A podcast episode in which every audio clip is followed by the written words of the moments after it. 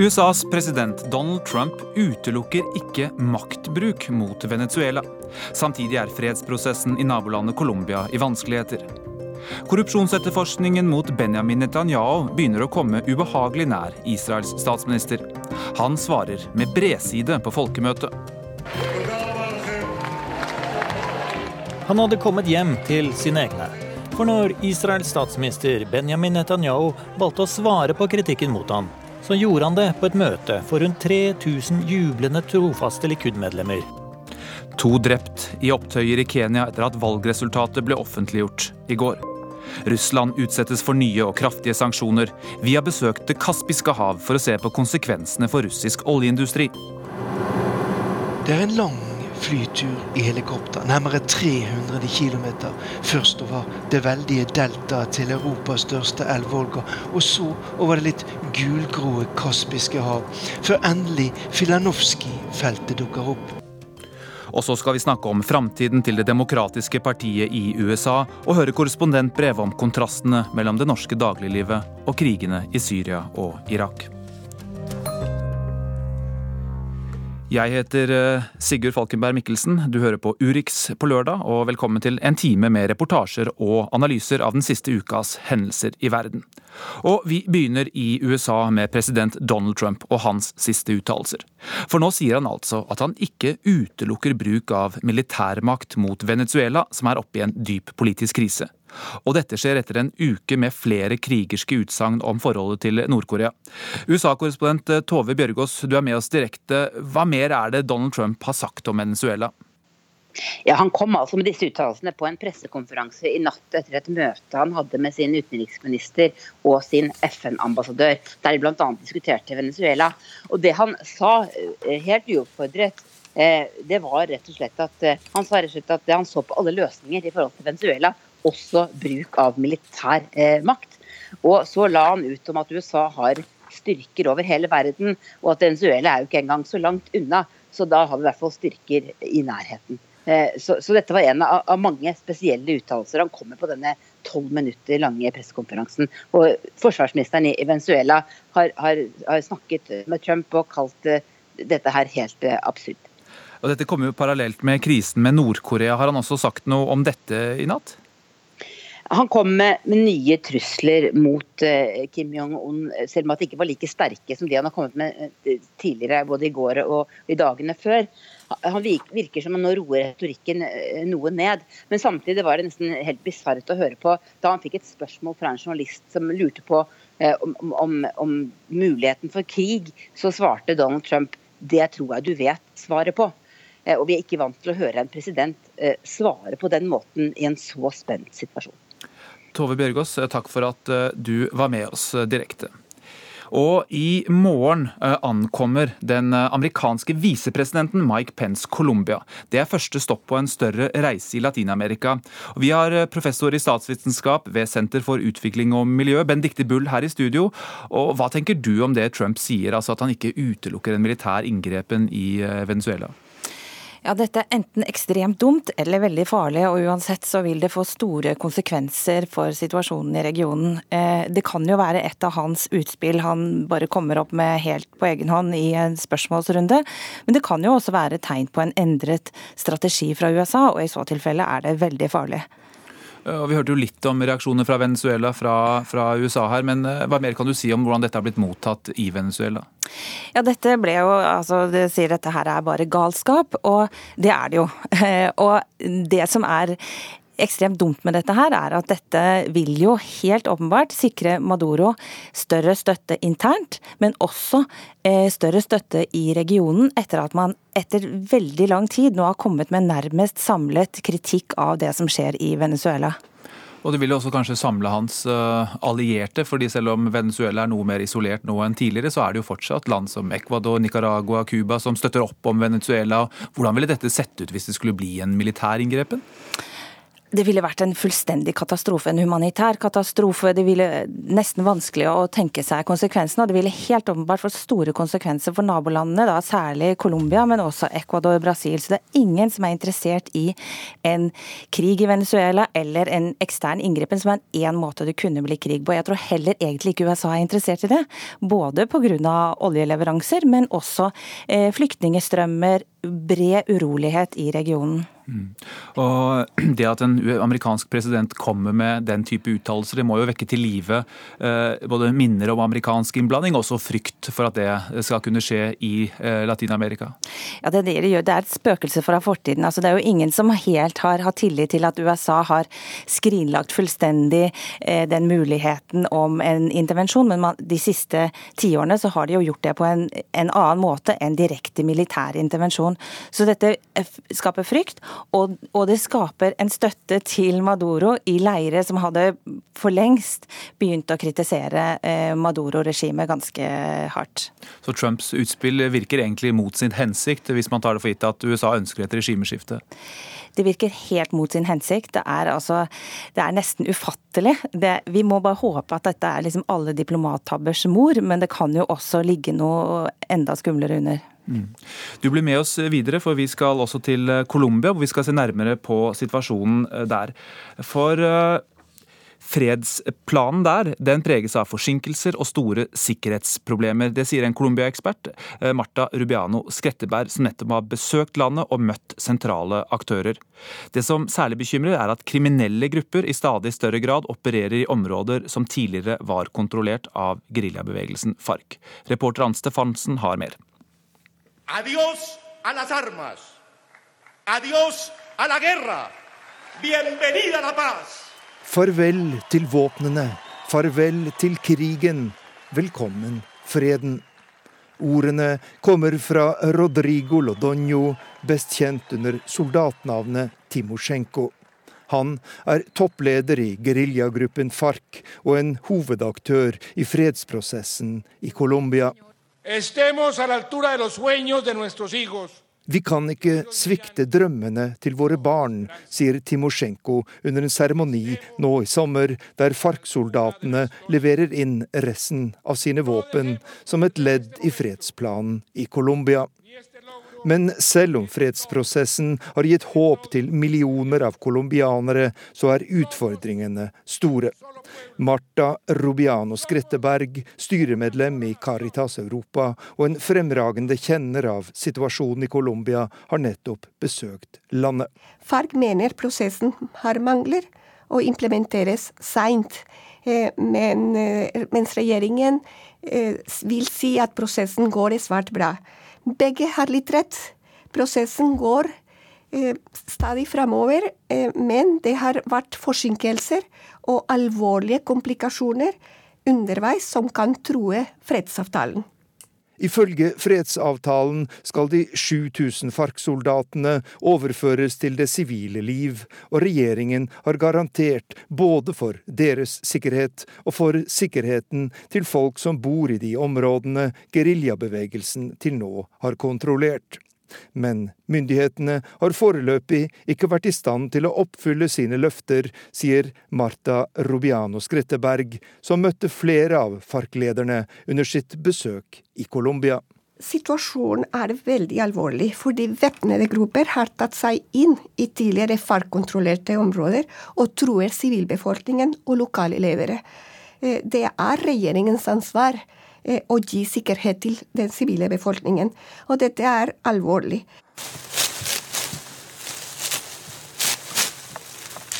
En gruppe bønder høster coca-blader i provinsen Turbo i Colombia.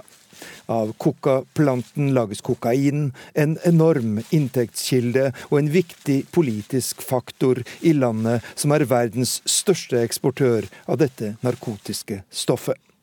Å få kontroll over denne virksomheten er helt avgjørende for at fredsprosessen i Colombia skal lykkes, men tendensen den siste tiden er at kokadyrkingen fortsetter å øke.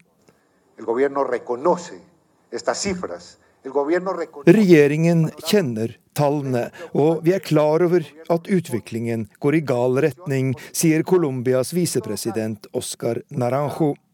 Vi vet også hvor sammensatt og vanskelig denne problemstillingen er, men vi setter nå alle krefter inn på å bekjempe denne ulovlige virksomheten, sier visepresidenten. Ja, Benedikte Bull, Vi hører her om vanskeligheter i fredsplanen. Hvordan ser du dette i et regionalt lys? Er det noe sammenheng mellom problemene i Colombia og krisen i Venezuela? Ja, Både ja og nei. fordi Problemene i Colombia er jo både av mer lokal karakter, altså at man ikke har sikret kontroll over en del områder, og du ser paramilitære grupper og kriminelle som overtar.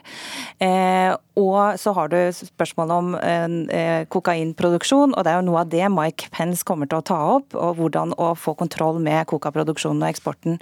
Men så har du også eh, mer sånn sentrale politiske utfordringer. At du har mange motstandere av fredsavtalen som bruker det som skjer i Venezuela nå politisk, og sier si dere ser hva som skjer hvis dere lar eh, type FARC eh, komme til makten her. Det er jo ikke snakk om, men det er jo retorikken.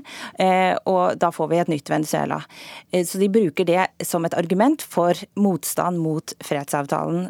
Og så har du i tillegg problemet med økt migrasjon fra Venezuela, som også da i noen områder har vært, gitt rekruttering til kriminelle grupper. Mm. Vi, vi hørte da Trumps uh, utspill om uh, mulig militær inngrep. En Mike Pence som skal ut på en uh, turné i Sør-Amerika. Skal til Argentina, skal først til Colombia, til Chile, til Panama. hvordan er sammenhengen mellom USA og Sør-Amerika økonomisk og politisk nå på 2017? Altså, USA har fått mindre politisk betydning gjennom egentlig mange år, også før Trump kom til makten. Så er det stor skepsis til Trump. Mike Pence nok, vil nok prøve prøve å skape et nærmere forhold mellom de to eh, regionene. Men han kommer først og fremst til å måtte drive brannslukning. Og så er det også ganske stor forskjell på betydningen USA har i de nordlige delene og de sørlige delene, hvor Chile og Argentina er mye mindre avhengig av mye, mye mindre nære relasjoner til USA. Benedicte Bull, tusen takk for at du var med oss her i Urix eh, på lørdag. Og for de av dere som er interessert i å fordype seg mer i dette problemet, og uh, særlig da forholdet mellom Venezuela og Colombia, kan dere lese en kronikk på eh, nrk.no på Ytring om hvordan nettopp krisen i Venezuela og migrasjonsproblemene påvirker grenseområdene i Colombia.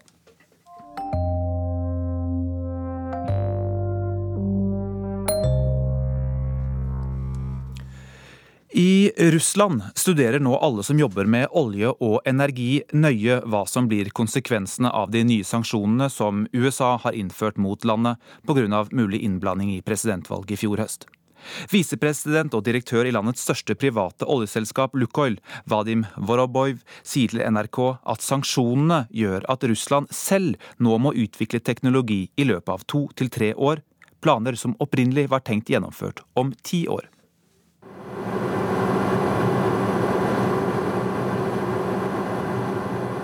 Det er en lang flytur i helikopter, nærmere 300 km, først over det veldige deltaet til Europas største elv Volga, og så over det litt gulgrå Kaspiske hav, før endelig Filanovskij-feltet dukker opp. Det russiske oljeselskapet Lukoil har invitert NRK og en gruppe tyrkiske journalister hit for å vise sin stolthet. En produksjonsenhet som har vært i drift siden oktober i fjor, og som nå er oppe i en produksjon på 110 000 fat i døgnet. Николай Николаевич, добрый день. Слышите нас, видите? Да, очень хорошо слышим. Добрый день, Владимир Владимирович. Добрый день. Det var selveste president Vladimir Putin som sammen med den lokale direktøren for Lukoil her i Nedre Volga, Nikolai Lisjko, som sto for den høytidelige åpningen av Filanovskij-feltet. Og dette var en begivenhet i Russland, og ikke minst for Lukoil. Russland har enorme olje- og gassreserver, så store at det så langt knapt har vært nødvendig å dra til havs. Bare utenfor Sakhalin er det foretatt store utbygginger, men der med omfattende deltakelse fra utlandet, bl.a. amerikanske Exxon Mobil. Når vi nå ble vist rundt på plattformen, som sammenlignet med store norske prosjekter, og også med utbyggingen på Sakhalin, er relativt beskjeden, så ble det derfor understreket at dette i hovedsak er et russisk prosjekt, bygd ved et gammelt skipsverft i Astrakhan og fraktet ned Volga og ut her til det grunne Kaspiske hav.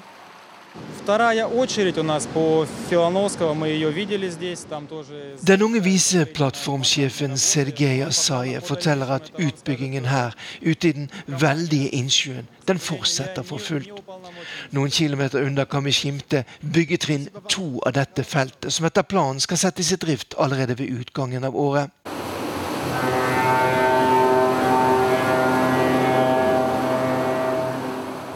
Inne i Astrakhan viser også Lukoil sin andre stolthet her. Et opplæringssenter bygd i tråd med internasjonale normer, og der erfaring og teknologi fra Norge også er brukt, forteller sjefen for Lukoil her, Nikolai Leshko. Вот на нашем центре вы еще посмотрите наши тренажеры.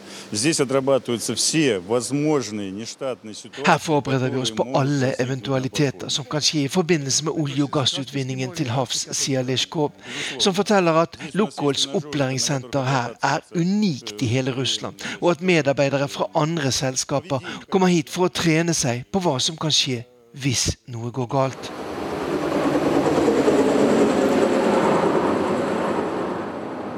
Russland er altså i ferd med å bygge opp sin egen kompetanse på mange områder for å møte de strenge krav som i dag stilles til utvinning av olje og gass også til havs.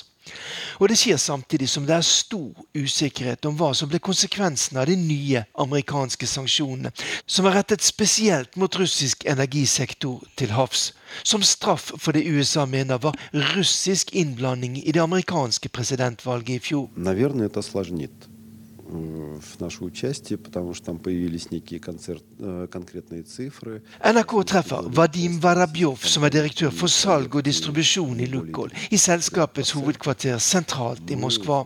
Han er selvfølgelig bekymret for konsekvensene av de nye amerikanske sanksjonene, ikke minst fordi Lukoil også har en betydelig virksomhet i USA.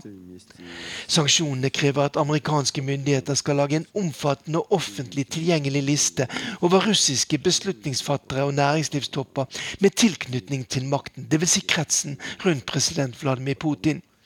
I tillegg skjerper også de nye sanksjonene begrensningene som ble innført allerede i 2014 om amerikanske selskapers mulighet til aktivitet i russisk offshorenæring. Dette inkluderer også teknologi knyttet til rørledninger Может, даже в какой-то степени им надо сказать спасибо. Direktør может, в Vadim кавычках. Varabjov sier til NRK at det også er mulig å se sanksjonene som noe som kan presse Russland til å løse landets egne utfordringer når det gjelder teknologi. at utfordringer man tenkte man hadde ti år på å løse, nå må løses innen to til tre år.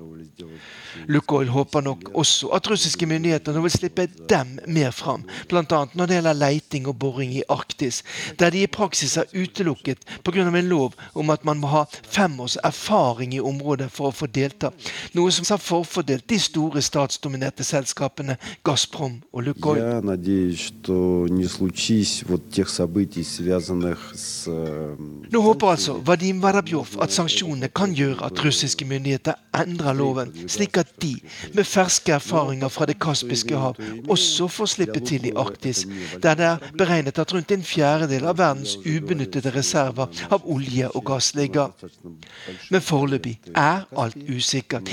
Ingen vet helt hva som blir konsekvensene av det som er vedtatt i Washington, og om det kommer til å få følger også for resten av verden, inklusiv inklusiv norsk engasjement i russisk energiproduksjon. Det var korrespondent i Moskva, Morten Jentoft, som hadde besøkt Lukoils nyeste produksjonsenhet og laget denne reportasjen. Du hører på Urix på lørdag. Vi har snakket om militær inngripen i Venezuela, som Donald Trump har truet med, og om problemene i Colombia. Videre blir det korrespondentbrev og rapport om framtiden til Det demokratiske partiet. Men aller først skal vi til Kenya. For der er minst to mennesker drept i voldshandlinger etter at valgresultatet ble kjent i går kveld, ifølge nyhetsbyrået AFP. Der ble Uhuru Kenyatta utropt til vinner med rundt 53% av stemmene. Og Kristine Prestun, Afrikakorrespondent med oss direkte fra Nairobi. Hva mer kan du si om dette? Det har vært skyting, opptøyer og plyndring flere steder, spesielt i, i slumområdene her i Nairobi og i havnebyen Kisumo ved Viktoriasjøen vest eh, i landet. Dette er kjerneområder for opposisjonen, og folk her de føler at de er frarøvet en rettmessig seier i presidentvalget. Demonstranter ble møtt av bevæpnet politi, og det er uklart hvor mange som egentlig ble drept i natt. Jeg har snakket med en i slummen Korogosho som sier at hun har sett likene av fire unge menn. Dette er ikke offisielt eh, bekreftet. Politiet har nå delvis stengt av flere av disse slumområdene. og Det betyr også at det er krevende for journalister å komme inn og få rapportert. Og Hva blir nå de neste skrittene? Har f.eks. opposisjonsleder Raila Odinga ytret seg? Ja, Alle venter på neste utspill fra Raila Odinga. Han sitter på mange måter med nøkkelen her, og det er ikke noe godt tegn at han ikke har vært ute og gitt noen uttalelse etter valget. Han har jo tidligere kommet med beskyldninger om omfattende valgjuks og kalt dette valget for et bedrageri. Eh, så spenningen er nå knyttet til om han vil be sine tilhengere holde seg i ro, eller fortsette protestene. Og Situasjonen ja, den er svært spent og alvorlig her i Kenya. Hvordan preger det som skjer nå i Kenya, resten av eh, Afrika? Hele Afrika følger med på situasjonen i Kenya. Dette landet er svært avgjørende for eh, stabiliteten og også økonomien, særlig i Øst-Afrika. Kenya er på mange måter et forbilde, eh, slik at det er ingen som ønsker at dette skal gå galt, slik det gjorde for ti år siden, da volden utviklet seg veldig etter valget i 2007. Kristine Presttun, takk for den oppdateringen. Du følger saken for NRK gjennom ulike sendinger resten av døgnet og videre også, selvfølgelig. Vi skal videre til Israel, for der er statsminister Benjamin Netanyahu i hardt vær. I forrige uke gikk en tidligere stabssjef med på å vitne mot sin tidligere sjef i to store korrupsjonssaker. Det er brer seg nå en oppfatning om at nettet holder på å snøre seg rundt Netanyahu, som er Israels lengstsittende statsminister siden landsfader David Ben-Gurion. Denne uka svarte Netanyahu på kritikken på et folkemøte, og han angrep media og venstresiden.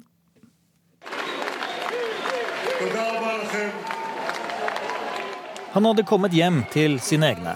For når Israels statsminister Benjamin Netanyahu valgte å svare på kritikken mot ham, så gjorde han det på et møte for rundt 3000 jublende trofaste Likud-medlemmer. Og det hele var som hentet ut av Donald Trump sitt manus.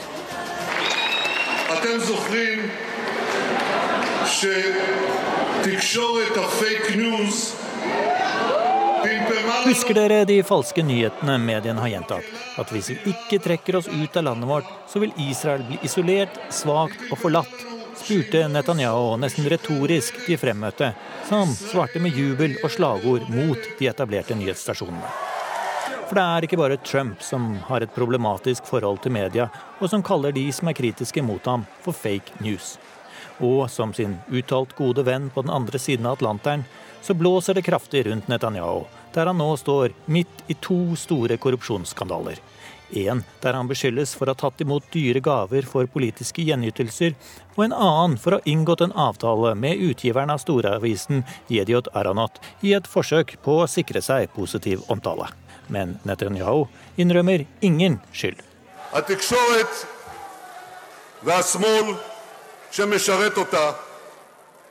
קשה להם לקבל את זה. אז הם מייצרים אינסוף פרשיות Venstresiden klarer ikke å slå seg til ro med at vi styrer, så de forsøker å fabrikkere utallige rapporter og overskrifter med et håp om at noe vil velte oss, fortalte han partimedlemmene sine. Dette er ikke første gangen Netanyahu blir beskyldt for å være på kant med loven, men denne gangen kan utfallet bli annerledes. For nå er rettsvesenet involvert, og etterforskningen er i gang. Og ifølge israelske medier så har også hans tidligere nære medarbeider og stabssjef Ari Harrow inngått en avtale med påtalemyndighetene og vil vitne mot sin tidligere sjef. Og han skal bl.a. sitte på lydopptak av møter med Netanyahu. På gata i Tel Aviv er meningene delte om mannen som har dominert israelsk politikk det siste tiåret. I think Netanyahu is a great leader for Israel. I think he represents us very well abroad. I think all the stories that you hear about him he's not. I mean, he's not guilty until proven. Daniel Silver støtter Netanyahu og har ingen tro på korrupsjonsanklagene som er rettet mot ham. Men litt lenger bort i gata er to venninner helt uenige med ham. De vil ha en annen statsminister. We just hope they will catch him on something, some fraud, some. Finally know. catch him. Yes, and then the government in Israel will change finally because it's been too long that Bibi is prime minister and it's time to for something new. We want peace.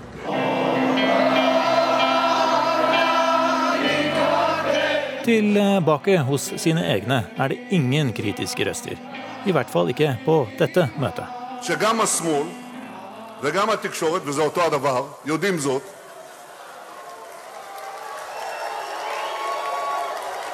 Venstresiden og media er samme greia, og de forsøker nå med denne heksejakten å tvinge frem et politisk skifte.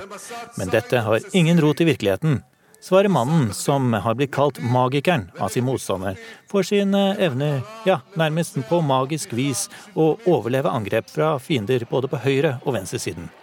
Men nå kan angrepet vise seg å komme fra innsiden, fra en av hans tidligere aller nærmeste. Vi hørte reporter Christian Aanensen.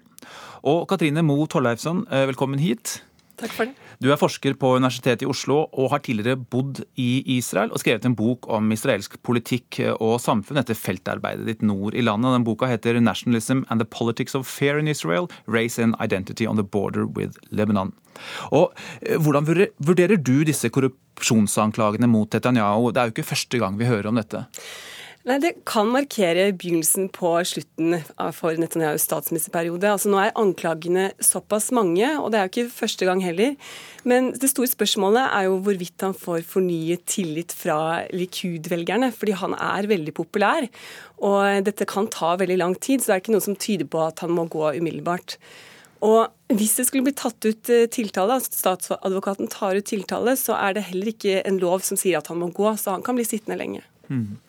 Eh, og hvor vanlig er det at en sittende statsminister eh, holder et sånt folkemøte, og selv om han angriper eh, media og venstresiden, så er det jo indirekte også et angrep mot eget justisapparat? Det er ganske uvanlig, men det viser jo at eh, Netanyahu har blitt en sofistikert eh, populist. Altså Han bruker veldig mange altså den retorikken som populister bruker. Han er stemmen til folket. Det er media og presse og nå justisapparatet det er noe galt med. Så han lar seg nok inspirere av eh, andre populister der ute. Tenker du da f.eks. på Donald Trump, for det ga var jo sånt lite ekko av det, dette, dette folkemøtet? Ja, absolutt. Og du kan si at For ti år siden startet jo Benjamin Netanyahu som mer konservativ eh, politiker. Og så har han jo tatt populister inn i regjering, bl.a. Avigdor Liebermann, som har en veldig sterk og uforsonlig retorikk og politikk.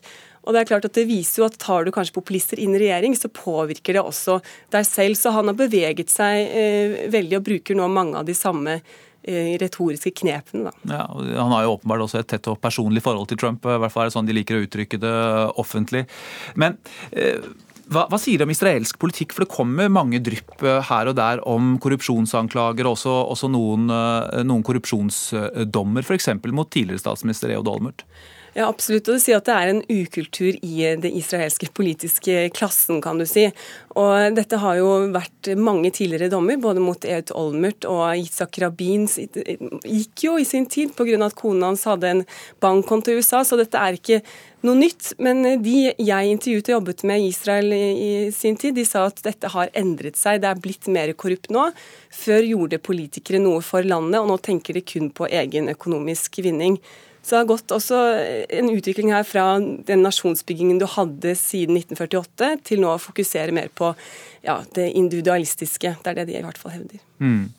Og Netanyahu har jo hatt flere liv som politiker enn kanskje de fleste hadde regnet med, og det er langt fra sikkert at dette heller er eh, slutten på hans politiske karriere. og Han var f.eks. nederlagsdømt i valget i 2015. Men det spekuleres nå hyppigere om hvem som eventuelt kan bli hans arvtaker. Jeg har satt opp en liten liste med noen navn som vi kan høre på. Gideon Sar kan være en arvtaker som kommer fra Netanyahus eget parti Likud, tidligere innenriksminister og en populær mann i meningsmålingene. Avigdor Liebermann, nåværende forsvarsminister, var ute av politikken noen år pga. en korrupsjonstiltale han ble frikjent fra. Leder Israel Beiteinu, Vårt Israel, født i det gamle Sovjetunionen og har først og fremst støtte hos russisktalende jøder som emigrerte til Israel på 1990-tallet. Naftali Bennett leder bosetterpartiet Habayit Hayehudi, Det jødiske hjem tar til orde for å annektere store deler av palestinsk territorium på Vestbredden og droppe hele ideen om en tostatsløsning. Sitter også i regjering med Netanyahu. Yair Lapid, sentrumspolitiker, tidligere TV-journalist. Den opposisjonspolitikeren som for tiden har størst oppslutning i nasjonalforsamlingen Knesset. Partiet hans Yesh Atid har 19 seter. Avi Gabay vant nominasjonsvalget i det kriserammede Arbeiderpartiet. Også en sentrumspolitiker, nykommer, som ofte sammenlignes med Frankrikes president Emmanuel Macron. Ehud Barak, tidligere statsminister og forsvarsminister. Jeg ville aldri satt han opp på denne listen om ikke Netanyahu selv angrep han flere ganger under sin forsvarstale denne uka. Han har ikke lenger noen formell posisjon innenfor partipolitikken og har flere mislykkede comeback-forsøk, men han har hevet tonen betraktelig på sosiale medier den siste tiden, og det gir han synlighet og gjennomslag i israelsk opinion. Ayelet Shaked, eneste kvinne på listen. Også hun fra det religiøse bosetterpartiet Det jødiske hjem, men sekulær, hun er profilert og kan ha ambisjoner og fotfeste også innenfor andre deler av den israelske høyresiden. Ja, aller først, eh, har jeg glemt eller utelatt noen? Nei, de fleste var på den listen. Ja, det er godt. Eh, og det at det er så mange navn, eh, det illustrerer vel også at israelsk politikk om dagen er ganske ustrukturert og uten noen tydelig opposisjon eller åpenbart alternativ til Netanyahu. Ja, det er et fragmentert politisk landskap, men den største endringen som har skjedd de siste ti årene, er jo høyredreiningen i Israels politikk. Så til og med sentrumspartiet har gått mer til, til høyre. Så eh, den kandidaten jeg ville sett på som en etterfølger for eh, Netanyahu, er jo eventuelt Gideon Sar, som mange meningsmålinger også påpeker har de største sjansene. Mm. Og Hvis vi skal se på dette, for det er jo, eh, det er jo flere mulige konstellasjoner her, men som du sier, høyresiden dominerer jo i veldig stor grad det politiske landskapet. Men det er altså et fragmentert høyreside med det store Likud-partiet og da småpartiene som da ledes av enten Naftali Bennett eller, eller Avigdor Liebermann, eh, med veldig forskjellige ståsteder og forskjellige, forskjellige, velgergrupper. Men tror du det er mest sannsynlig å se et, eh, en av disse to, eh, Bennett-Liebermann, som jo åpenbart vil ha jobben, eller at det kommer noen fra innsiden fra Likud, type Gideon Sar? Jeg tror det sistnevnte Gideon sa, fordi du må ha en som kan appellere til mange ulike velgergrupper. Og Avido Liebermann er jo fra ytterliggående, et, et ytterliggående parti som appellerer til russiskspråklige israelere, til de på ytre høyre. Og eh, altså Bennett er også klarer å appellere både til de religiøse og de sekulære, men du må ha en som klarer virkelig å gå bredt ut, både de moderate høyre og de som er mer ytterliggående. Så der tror jeg Gideon Saar har mest gjennomslag. Mm. Og, og hva, hva, venstresiden angår, så har jo da Arbeiderpartiet fått en uh, ny leder. Uh, og Avi uh, Gabay uh, han konkurrerer jo da med sentrumslederen Yair Lapid. Er det noen mulighet for å se et, at Arbeiderpartiet klarer å reise seg fra, fra, asken? De har jo virkelig hatt problemer de siste, siste årene. Ja, De har ikke hatt statsminister siden Eud Barak på begynnelsen av 2000-tallet. Så det er klart at dette kan være et tegn på at de prøver å nå ut til flere velgere ved å gå mer til sentrum.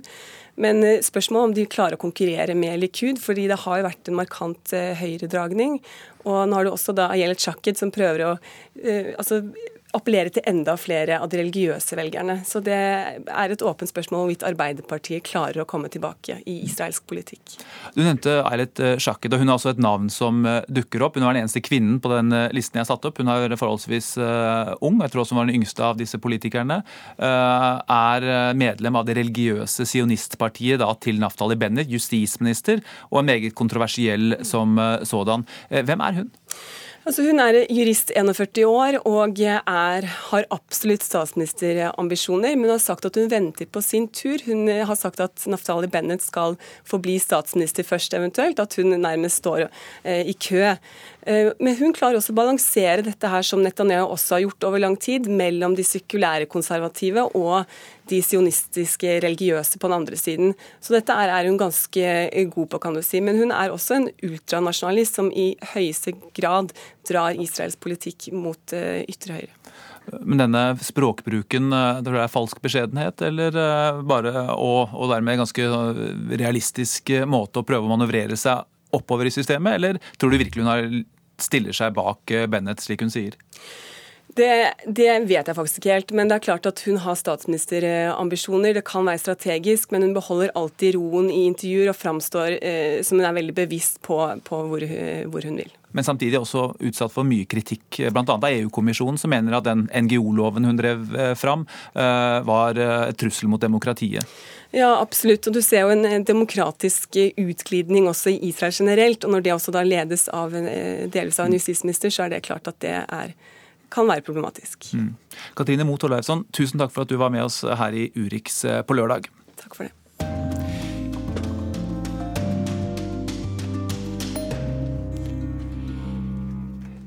Vi skal eh, tilbake til USA.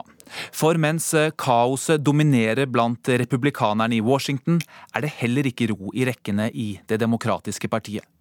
I helga er de progressive kreftene i partiet og mange av dem som støttet Bernie Sanders, samlet til sin årlige grasrotkonferanse. Partiet er inne i sin største krise siden 1920-tallet, mener eksperter. Korrespondent Tove Bjørgaas har truffet demokrater som ønsker en kursendring i Atlanta, Georgia. I drank acid mine drainage when I was a little girl. I know what it's like to be hungry. I can relate to most West Virginians in the coal communities because we've suffered. Jeg drakk forgiftet vann fra gruvene da jeg var liten. Jeg vet hvordan det er å være sulten. Jeg vet hvordan folk i West Virginia har det, sier Paula Jean Swerengen. Hun vet at oppgaven som står foran henne, er tøff. Hun har aldri stilt til valg før, og nå vil hun prøve å bli valgt til Senatet fra den fattige delstaten sin. Der fikk Donald Trump 68% av stemmene i fjor. Paula har budskapet klart der hun står i konferansehallen på et stort hotell i Atlanta. We're, we're one of the sickest and poorest in the nation. Sick people deserve health care. Absolutely everybody stands behind it. Et helsesystem likt det vi har i Norge, der staten betaler for alle. Ordentlige arbeidsplasser, høyere minstelønn. Vi er på Netroots-konferansen. Den samler flere tusen grasrotaktivister og politikere hvert år. Her lærer de å bruke sosiale medier og andre nettverktøy for å bevege USA mot venstre. Apollo 25 is here. They're here. På en workshop er det fullt av folk som vil lære hvordan en kan holde mer effektive Facebook-sendinger. 21 år gamle Maya Rosenberg fra Colorado vil gjerne lære mer om det. Hun sluttet på universitetet for å følge Bernie Sanders. I feel like this is a very historic moment. I remember reading um, about John Adams and how he was very aware of what historical significance it was and how he was documenting everything and writing it down. And I, I don't want to say that my role is so significant, but I do feel as though now in the days of social media, when we have uh, Twitter and Instagram and Facebook, that's our documentation, and it's so important and more important than ever to make sure you have people with good digital skills. Og USA er i sannhet inne i en historisk tid. I en fersk meningsmåling Washington Post har fått gjennomført, sier 52 av de spurte republikanerne at presidentvalget i 2020 kan utsettes dersom president Trump mener det er nødvendig for å sørge for at ingen stemmer ulovlig. My name is Daniel Suwain. I am the CEO and founder of a company called Relay. Inne i messehallen har flere selskaper satt opp stands.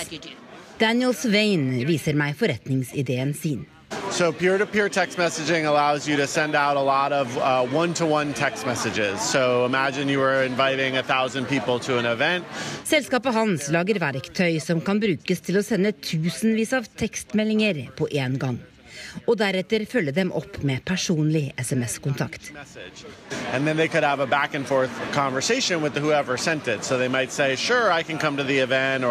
"Oh, I'd like to come, but you know, can I bring a friend?" Daniel forteller at han akkurat nå er i samtaler med et norsk parti som gjerne vil bruke tjenestene hans i valgkampen. A good friend who I worked on the Bernie campaign with met uh, this political party in Norway, and so it's it's more of a you know trying to support you know parties that we believe in. It's Norway won't be a, a big market for us, certainly not. He thought he was overwhelmingly defeated in the 1964 election. Hva skal så demokratene gjøre nå? I et av nesten 70 seminarer på konferansen diskuterer Erica Payne og resten av et panel om dette er demokratenes Goldwater-øyeblikk.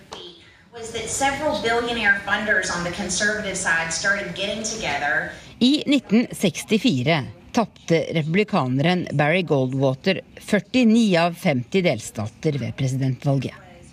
Men det fikk det republikanske partiet til å gjenoppstå med Richard Nixon og senere Reagan.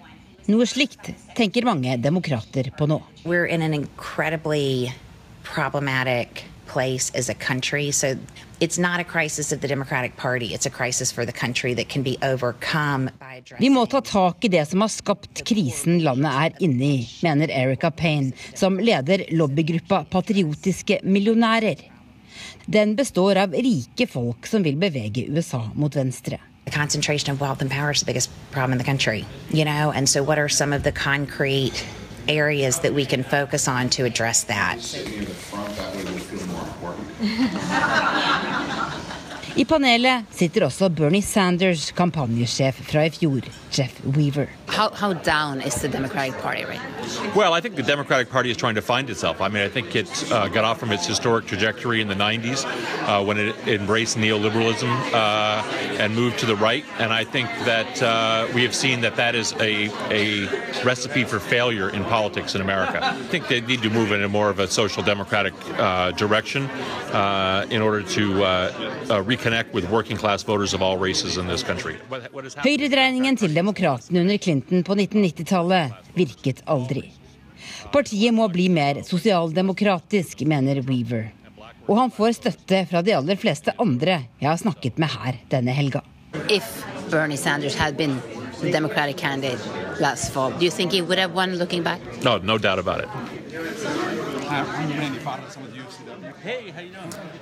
Ja, Her hørte vi litt om de alternative kreftene i Det demokratiske partiet. Men det partiet har også sin elite, og få mennesker inkarnerer den mer enn John Podesta. Han var mannen som måtte opp på scenen i stedet for Hillary Clinton og erkjenne valgnederlag mot Donald Trump.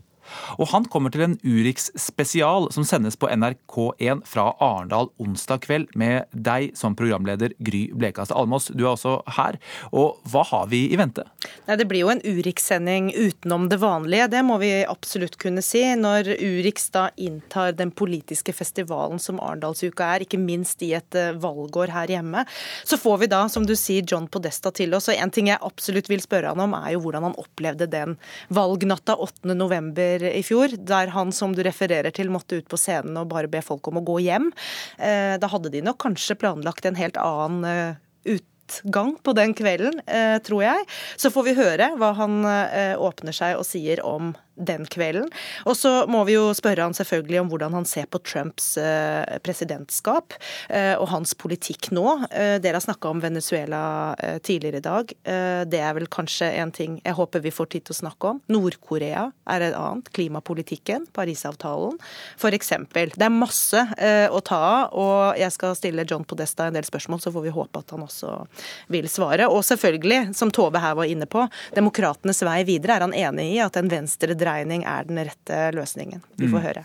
Ja, eh, helt kort til slutt her, Skal dere også snakke om eh, andre land, eller blir det rent USA-fokus? Nei, det er jo ikke bare USA som har opplevd politisk jordskjelv det siste året. Vi skal til Europa, absolutt. Og brexit kommer til å bli et tema, fordi vi også har invitert eh, Michael Bodanski, som er analytiker fra kommunikasjonsbyrået Freuds i London. Og han har jo sett på hva det er som gjør at velgere velger som de gjør. Hva er det som styrer de de valgene eh, vi tar, og knytter det spesielt opp mot brexit. Og Vi får også da med oss fire av våre korrespondenter som holder til i USA og Europa, så dette blir en, en spennende sending. Mm. Et internasjonalt perspektiv på den norske valgkampen altså. Få med dere Urix spesial på NRK1 onsdag den kommende uka. Klokka 22.15. Veldig bra. Da har tiden kommet for å høre korrespondentbrevet her i Urix på lørdag. Og det er vår Midtøsten-korrespondent Kristin Solberg som har skrevet dette. Egentlig skulle dette korrespondentbrevet handle om min siste reise. Ti dager i Syria. Hovedpersonen skulle være tolvårige Jumma fra Aleppo. Jeg møtte ham på en proteseklinikk der en fysioterapeut tøyde hans høyre beinstump, kuttet like under kneet. Jumma skrek ikke, det kom ikke en lyd fra ham, men han skar grimaser i smerte.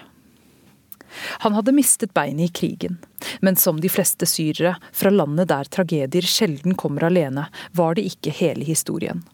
Jumma mistet lillebroren Omar på seks år i samme bombeangrep.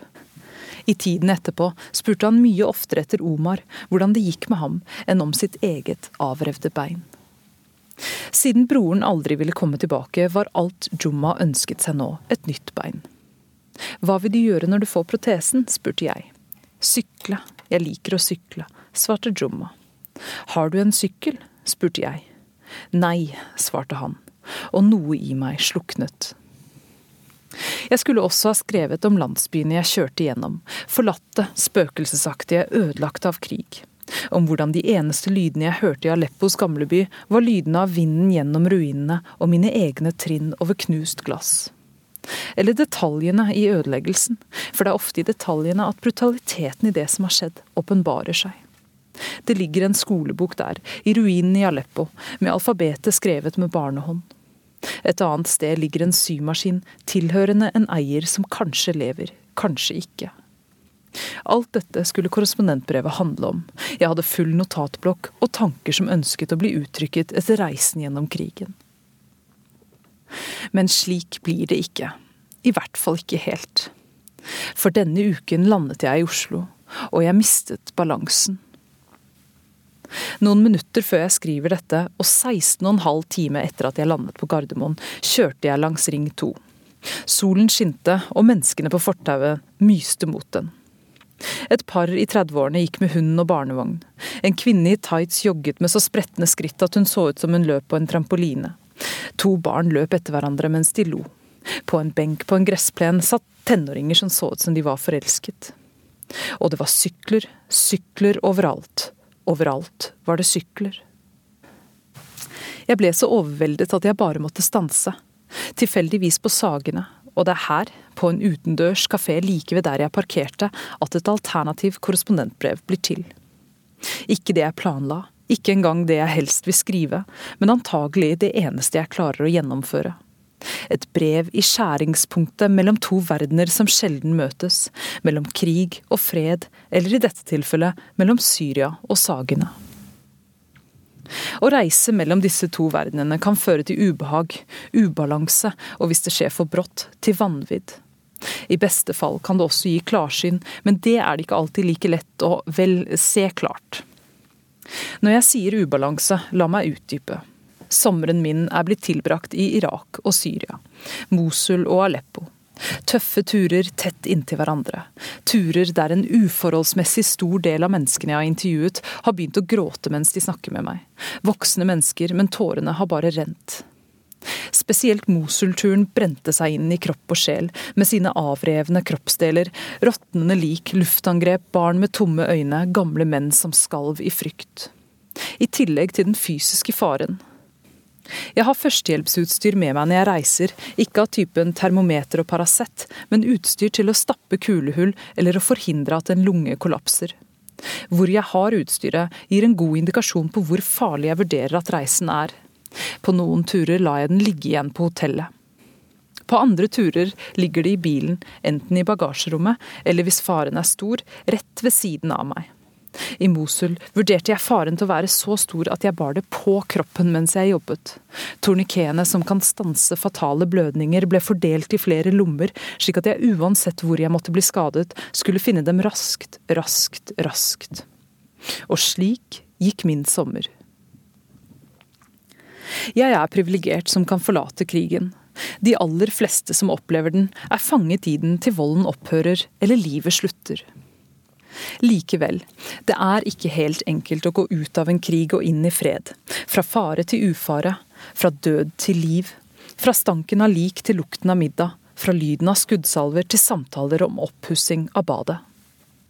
Overgangen setter meg ofte ut av balanse, i større eller mindre grad. Noen ganger ikke mer enn at det er glemt uken etter.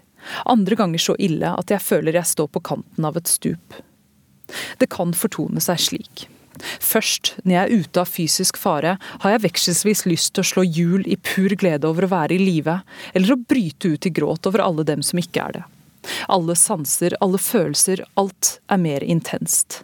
Som å leve, men ganger fem. Så, når kroppen oppfatter at tryggheten vedvarer, går energien ut av den som luften ut av en sprukken ballong, og jeg kan sove lenger enn jeg trodde var fysisk mulig. Etterpå kommer følelsen av at jeg ikke riktig er her. Ikke her i freden, men heller ikke der i krigen. Det er som om livet foregår utenfor meg selv. Eller som om menneskene rundt meg fortsetter livene sine som før, men at jeg ikke lenger henger med. Det sies at det aller vanskeligste er å komme hjem. Soldaten som sover som et barn ved frontlinjen, men plages av mareritt hjemme, vet det.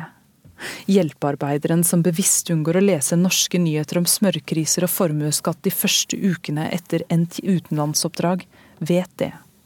Journalisten som drikker vin som om det var vann når reisen er over, vet det. Og jeg vet det. På utsiden fungerer jeg som før. Jeg snakker når jeg må og smiler når jeg bør, men alt er tappet for mening. Så også her på kafeen på Sagene.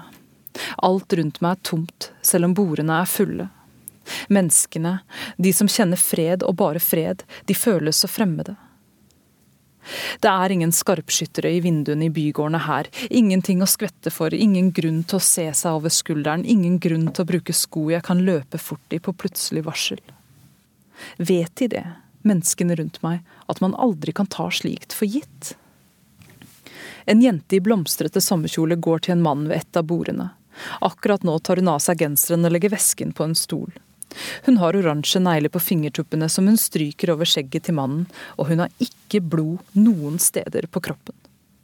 Like ved deler en venninnegjeng en flaske hvitvin. Med ryggen til en åpen plass, der farene for et angrep bakfra er så mange at jeg nesten ikke kan telle dem. Men de bryr seg ikke. De bare snakker og ler med ansiktene vendt mot solen. Et par spiser hamburgere da det kommer en lyd, en hyggelig barnelyd fra en vogn. Mannen lener seg mot vognen, og der inne sitter et barn, et smilende barn, og aller viktigst, et helt og intakt barn, uten slike hule øyne som er i stand til å drepe innsiden av et anstendig menneske. Alle disse folkene, vet de hvor heldige de er? Og har det alltid vært så mange sykler i denne byen? Voksne på sykler, barn på sykler, barneseter med sykler under, hunder med sykler i enden av bånd. Etter at jeg traff Juma på proteseklinikken i Aleppo, besøkte jeg ham hjemme. Skjønt han var ikke egentlig hjemme. Noen måneder etter at han hadde mistet beinet, mistet familien huset. Det ligger blant ruinene i Øst-Aleppo nå, og de har ikke råd til å gjenoppbygge det. Nå bor de på lånt tid et lånt sted, et sted der Jumma innimellom står på balkongen og ser ned på en ødelagt gate og barna som leker i den. Han sier han kanskje innimellom får låne en sykkel når han bare får et bein. Å kjøpe en er ikke aktuelt.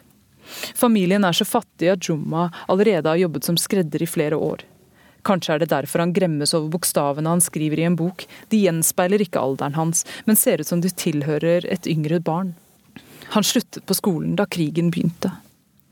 Det er gjerne slik når jeg snakker med mennesker fanget i krig. Hendelser som hver og en ville ha definert et helt liv i fred, som å miste et bein, å miste en bror, å miste et hjem eller å miste en skolegang, blir leddsetninger i historien om et liv i krig. Tapene ligger lag på lag. Den amerikanske filosofen John Rawls stiller spørsmål om hvordan vi best kan skape et rettferdig samfunn. I et tankeeksperiment plasserer han oss bak det han kaller et slør av uvitenhet som skjuler den vi er. Vi vet ikke hvilke ferdigheter, religion, hudfarge, sosiale og økonomiske fordeler vi har. Hvordan vil vi da velge å innrette samfunnet? Hvordan vil vi da fordele godene, spør Rawls. Ingen ville vel da ha skapt en verden der noen barn får både bein, sykler og levende småsøsken, andre ingen av delene. Der noen barn får fred, andre ikke. Og det er der de krasjer, de to verdenene i dette korrespondentbrevet. Krig og fred, Sagene og Syria. Ikke så mye i tanken på at de eksisterer side om side, men i tanken om at den ene kanskje gir blaffen i den andre. Det skjer ikke høylytt, men noe brister stille inne i et menneske. På vei fra kafeen går jeg forbi en plen. Gresset er nyslått. Jeg bøyer meg ned, tar en tust i hånden, fører den til nesen. Døende gress for å kjenne at jeg lever. Det som brister, kan innimellom repareres. Innimellom ikke. Jeg går med gresset i hånden i en lang stund, forbi flere sykler. Og jeg lover meg selv at jeg skal sende en sykkel til Aleppo. Korrespondentbrevet avsluttet som vanlig Urix på lørdag. Teknisk ansvarlig for denne sendingen var Stein Nybakk. Produsent var Andreas Krantz. Og her i studio satt Sigurd Falkenberg Mikkelsen. Vi takker for følget, og på gjenhør.